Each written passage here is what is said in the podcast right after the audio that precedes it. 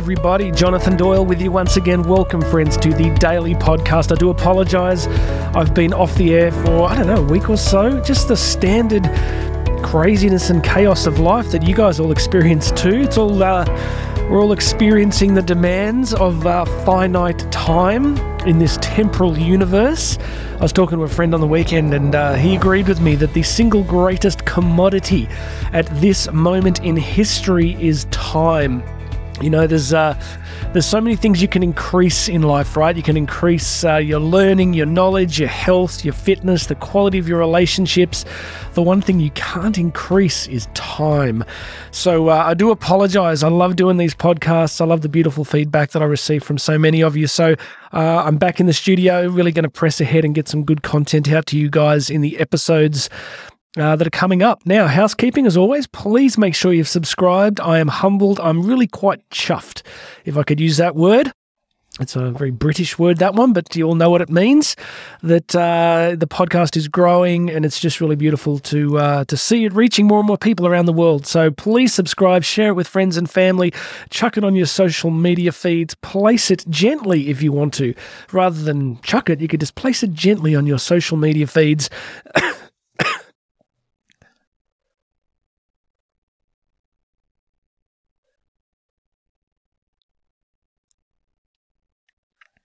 And I'd also love you to go and check out all the uh, the show notes here, the links. There is a cornucopia, a plethora of links here on the podcast version uh, there's all sorts of things you can jump across to the YouTube channel where I do a YouTube version of this.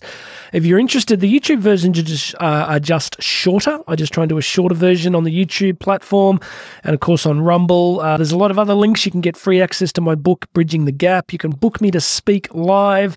You can find out about coaching. And, of course, you can check out Karen's masterclass. Karen, my wife, does an incredible masterclass program for women all over the world. So, um, if you happen to find that you are in fact female and that you are interested in growing and uh, experiencing more of the rich tapestry of life, then go and check out Karen's masterclass. There's tons of great information on that link, friends. Tomorrow, I'm going to be speaking at a live event on the topic of resilience. And I thought, what better way both to prepare myself and to offer you guys something than to kind of flesh out some of what I'm going to be talking about. I think it's a really topical issue. I think all of us at different points in life could use a bit of a booster shot, to use a topical term, if you will, uh, of resilience. It's a real buzzword. What does it mean? How do we increase it? Do we even need it? So, look, I'm going to jump in with a few thoughts here. I think it is an important topic. I think it's something that's useful for us to have our heads around and to be thinking about uh, how it impacts our lives, and how we can improve in this area. The first thing I wanted to share with you simply is that resilience originally comes to us from science. It's not really a sociological term or a mental health or psychological term. It actually comes from, from science and it describes the ability of an object to regain its shape after it experiences some application of force. So, one way to think about this would be to be imagine a spring, right? A big spring. And as you press that spring down, there is a change in its shape. But as the pressure is released, it returns back to its normal shape. So that is what resilience means in the scientific literature. It's the ability to, to bounce back, to reform to the original shape.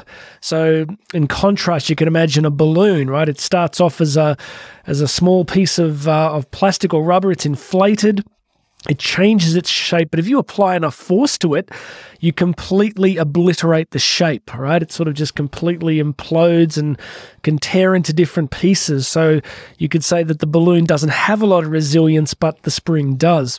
So, of course, as this applies to us, what does it mean? Well, I guess it's the ability of each of us to return to shape, to return to our ideal shape after the application of force. And what is the application of force? Well, it's basically stress of various forms. Could be grief, could be loss, could be work pressure, family pressure, health issues, all the different travails and challenges of life that cause us to experience negative circumstances that uh, place us under pressure. So, resilience is the ability uh, of each of us as human persons to return to shape, to bounce back from the difficulties and challenges of life. So, one of the things I wanted to address tomorrow in the live event is why this is so topical. I mean, for those of us that are a bit older, it's not a word that we kind of grew up with. You wouldn't have heard it much. I definitely never heard it much as a, as a child or a teenager, even in my 20s. It probably wouldn't have been into my 30s that I began to hear about it more. And I guess it's got strong connections and applications to the world of mental health. And I guess as I was preparing, I thought, why is this so topical now? And it's I think it's worth understanding that is the great growth in mental health challenges and pathologies that we see, particularly in the developed world, I think are an outgrowth of a range of environmental factors that are worth remembering. So I would put it down to I'm going to suggest two main factors. One would be a vast, vast, unprecedented growth in complexity so if you I often say that you know look we've been a species for about 350,000 years as as Homo sapiens sapiens about 350,000 years up until you know about the industrial revolution 1860s we tended to live in small communities of people you had relatively limited choices in terms of education and career. You there were very limited options in terms of travel. Now there were always outliers. There were always men and women who were taking great journeys or had access to greater wealth and could have more experiences, but the vast majority of us as a species tended to stay in the one area do the one kind of thing each day and be surrounded by the same people for the vast majority of our lives. Now, we could say, well, that must have been boring, or maybe that wasn't that great. But what we can also say is that it gave a great be- a great deal of stability and predictability to our lives, and it um, it obviously created very strong social bonds, right? So we we came to rely very deeply upon each other because our survival, health, and well being really relied on the people around us, and if those social connections were compromised, our very existence could be compromised. So this is my way of saying that the way that we have existed as a species has radically changed, radically changed in a very short space of time. So, while not being a mental health professional, I would posit that a significant amount of the mental health challenges that we're seeing have a strong environmental basis in terms of the complexity of our modern societies, the neural load. By neural load, I mean the, the sheer weight of distraction and information bearing down upon our neural systems, creating these vast networks of complexity and at the same time, as the social support that we once experienced on a daily basis has also been somewhat compromised. You, are you hearing me? So we've got more and more complexity, less and less social support. So it's not surprising, I would suggest, that a significant number of us at different times can question our ability to cope. And so this resilience thing becomes, you know, more relevant perhaps than it's been at other times in history. I remember recently reading a long form article from the sociologist Frank Furedi, who who made the point that in previous areas of history, when there was crisis, like pandemics or wars or natural disasters, he said people definitely saw them as highly problematic and undesirable, but he said that they also simultaneously saw them as forms of opportunity. And he said that a lot of what's happening for postmoderns, for us guys, is that when difficulty and crisis hits, we're not seeing opportunity. We're quite fear based. and that's not everybody. It's not everybody listening. But if you think about the kind of mainstream media narratives that we're given, which is kind of, you know, fear sells. It's the old saying about you know headlines. If it uh, if it bleeds it leads right? If, if something scary can be mainstreamed can be placed in front of us all the time we're much more likely to pay attention. And always remember that we're living in an attention economy right? We live in an attention economy. So mainstream media particularly and large corporations understand that by selling fear uh, they're much more likely to gain our attention so you put all these pieces together, I just think we've got less social connection, more complexity, more fear, uh, more abstract fear, right? More abstract fear. I mean, uh, we've never lived longer. We've never had a better quality of life. We've never had better health, really, in terms of, you know, um, you know how long we live and the the general access to health and, and healthcare. But at the same time, there's just this sense of pervasive fear and what if, right? So that's where I think the resilience thing's becoming more important. So what do we do? Well, let's just quickly summary. What have we got so far? What is resilience? A uh, the ability to bounce back into shape after pressures applied. Why is it relevant? Because we're living in this complex, demanding, fear-based time that's going to require some new skill sets from us. And hey, before I forget, I should mention this take some heart here. Have let me tell you the good news. The good news is that without doubt, my friend, we are the most resilient species in planetary history. We are the apex predator, if you'd like to put it that way. Uh, we find a way. You know, we find a way. It's very popular these days to to bash Western culture and to complain about all forms of uh, you know issues and problems and this, that, and the other. But let's remember, humans are an incredible species the fact that we, you know, there's 7 billion of us on the planet and we haven't yet all killed each other, the fact that we do find ways to cooperate, the fact that we do overcome all sorts of difficult economic, environmental, medical challenges takes some heart. We're a pretty amazing species. And now we're sort of getting ready to look at interplanetary travel. So, yeah, there's plenty to be concerned about, but let's also realize that we're also a species that figures things out and gets it done. So, you're part of that species, so that stuff's in you as well. Let's press in. Uh, I wanted to say the next thing about resilience is to be gentle with ourselves because there is mystery in the human person. Every one of us is different. Every one of us has different personalities and very different life experiences. Some of us have experienced extraordinary trauma, some of us less so. Some of us have a different brain structure. We just have a totally different neural wiring. So, whether you feel that you are the most resilient person on the planet or the least resilient person listening to today's podcast, take heart. We're all different. Um, there's no absolute perfection, there's no sort of strategy or person that's worked it all out. Let's cut ourselves some slack because we're all on a journey towards growth. We're all sort of trying to improve. That's why you're listening to this podcast.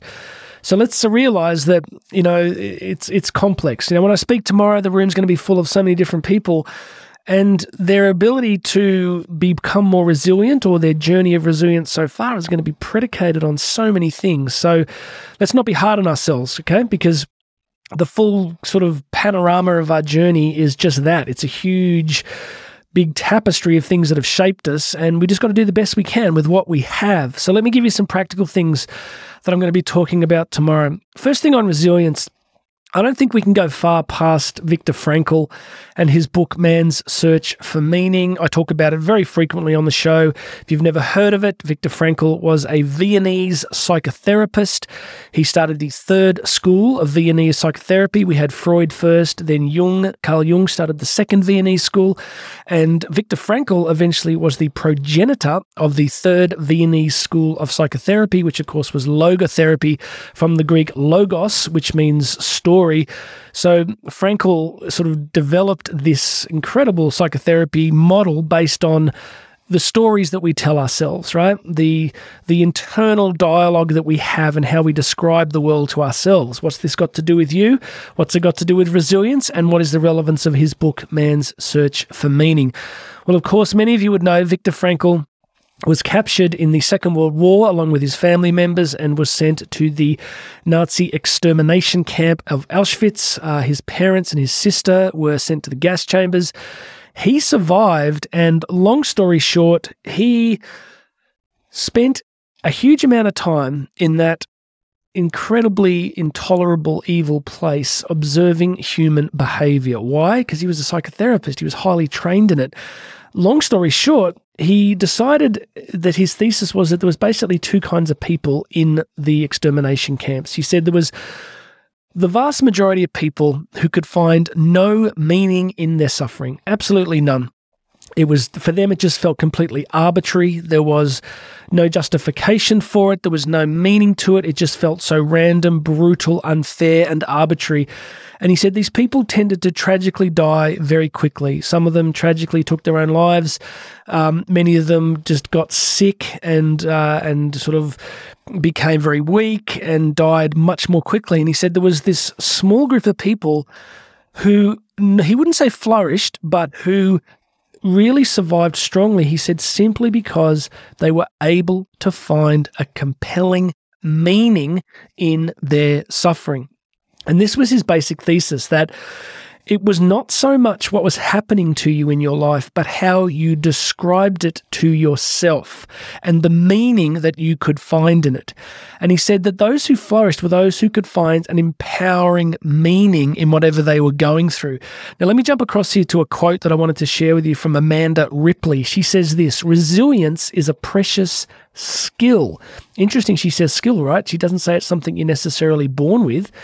Resilience is a precious skill. She goes on, she says this people who have it tend to also have three underlying advantages a belief that they can influence life events, a tendency to find meaningful purpose in life's turmoil, and a conviction that they can learn from both positive and negative experiences. Okay, let me pass that for you. Three things there the belief that they can influence life events. So that is the movement out of learned helplessness. Remember, learned helplessness experiments? They did these experiments in the mid to late 20th century where, you know, if, if rats, they, they were sort of doing these electrical shock tests on rats, poor little rats, and the rats that couldn't influence what was happening just curled up in a ball and basically died because they couldn't figure out how to change anything. Whereas the rats that could figure out how to change the shock system survived and did fine, right? They even sort of did brain scans and all sorts of stuff. And it's what they call learned helplessness and a sense of agency the belief that no matter how bad things are, you can still do something, right? So this is tying into this whole uh, resilience piece. It's tying into what Frankl's talking about, finding meaning, the belief that you can influence stuff. Uh, second part here in Amanda Ripley's quote, she says the ability to find a meaningful purpose in life's turmoil, because there is turmoil, right? I'll be saying this tomorrow. You live long enough and you're going to find some turmoil. No, none of us get off for free, right? It's, it can be better or worse. We can all have different experiences, but there is challenge and difficulty in life. But what these people are talking about is finding a meaning. What is the meaning? How do you find one? Well, put it this way, you know, if something's really hard in your life, you can describe it to yourself in any number of ways, right? You can say, well, this is hard because God hates me and I'm a really bad person. I'm being punished. That's a meaning, right? That is a genuine meaning. The other meaning you could have is this is testing me so I can grow deeper in spiritual trust and teach others in the future. Now, you got the exact same event, you just got two radically different explanations. And I know some people always push back at this point and they're like, well, this is just crazy talk. You can't really live this way. That's not how things work. And I go, you know what? I actually think it is. I think you can find a compelling meaning to difficult circumstances if you're prepared to think about it, journal about it, do the work, go for a long walk, and find a better meaning. Um, you know, I had a friend back in 2008 who got really badly hit in the uh, the major GFC, right, the global financial crisis. This is somebody that um, you know took a took a real beating. And I remember talking to them when it was all going down. I remember them saying to me, I'm coming back stronger. And I just heard this conviction in their voice. And I was like, I have absolutely no doubt that's true. It was like, here they were going through this awful experience, but basically making this resolution to themselves that they were going to come back stronger. So, there was plenty of turmoil, there was plenty of negativity, but they found a purpose. Okay. And the final thing she says here is a conviction that you can learn from both positive and negative experiences that's important. Like the belief that, hey, if something goes really well, awesome. What did I learn here? Well, you know, what, what, how can I get more of this? If something negative happens, it's what can I learn from this? How can I make sure there's less of this in the future? So you see, permeating all of this is agency, right? Agency, the belief that you can control things, that you do have a voice, that you can do stuff. All right, so that's the whole Frankl piece, the determining meaning piece. How do you build resilience? You determine meaning. You get deliberate and conscious and specific about determining meaning when things go sideways. Last thing is tomorrow I'm going to be trying to I'll move it to a practical point at the end which is to say to people okay how do you build resilience how do you actually get more of this in your life and I think the way you do it is very Aristotelian. So my uh, postgrad background was very much in Aristotelian ethics. And if you look at Aristotle's kind of take on developing virtue and character, he would always say that you do it in the small things. The famous question for Aristotle was he was asked, How does the courageous person you know, become courageous because the Greeks were really interested in whether courage, for example, or you know, or creativity or artistic ability, they were really curious whether people were just born with those things or whether they developed them, right? Nature versus sort of nurture. So Aristotle was asked, How does the courageous person become courageous? And Aristotle famously said, They do courageous things, right? So at the bedrock of this Greek metaphysics, this Greek sort of perception of reality, was we become what we do. So that if we like if we practice being courageous over time, we become a courageous person. So how do you practice resilience? You practice it in the small, small, small things. So that when the big moments come, you've got something to draw on. So um, when you have small setbacks, when you have, you know, I guess one of the ways that I've done it over the years is through huge amounts of physical training, right? Doing so much physical training that I learned to press on when it was painful. I mean, that's what ultra marathons taught me, right? Was it's not really about fitness. After a while, it's you've got the baseline fitness. It's about pain management. It's about the ability to press on when you don't feel like pressing on. So resilience is built in the small situations of your life. The ability to do hard things when you don't want to do hard things, right? That may explain why so many people are struggling with it because we are a culture at the moment that doesn't really enjoy hard things. We like Netflix and we like you know, what is it? You know, Uber Eats, right? We we like being able to press a button on our phone and have some random stranger turn up at our house with a cheeseburger. Okay. we just don't like doing difficult things. So, a lot of the people that I admire and respect, you know, over the years that I've followed, uh, guys like Cam Hanes, David Goggins, they fascinate me because they do hard things. So you don't have to go and run an ultra marathon today, but if you want to increase resilience, you just need to do small, hard things and just keep doing things that are a little bit difficult. And that will help you to grow. There's a lot more that I want to say on it. I'm going to try and get a live recording tomorrow so I can post that for you guys. But let me do the summary. We are dealing with resilience issues because of complex changes in human society, complexity, and a breakdown in social bonds. Resilience means our ability to bounce back into shape. We're dealing with the mystery of our own personality and life experience, but thank you to Viktor Frankl and Amanda Ripley, we can find meaning in hardship. We can choose the stories that we tell ourselves. What's the old saying? There are no more important words than the words you say to yourself about yourself when you are by yourself. You ever heard that? There are no more important words than the words you say to yourself about yourself when you are by yourself. It's that internal narrative. Uh, in a couple of weeks, I'm going to be interviewing my great friend Bob Litwin, who wrote a beautiful book on this uh, called The Best Story of Your Life. You know, Bob lost his wife tragically and felt his life was over, and just his story about telling himself a brand new story and doing hard things, friends. It can be done. All right, that's a long one today. Uh, please go and check out all the links, right?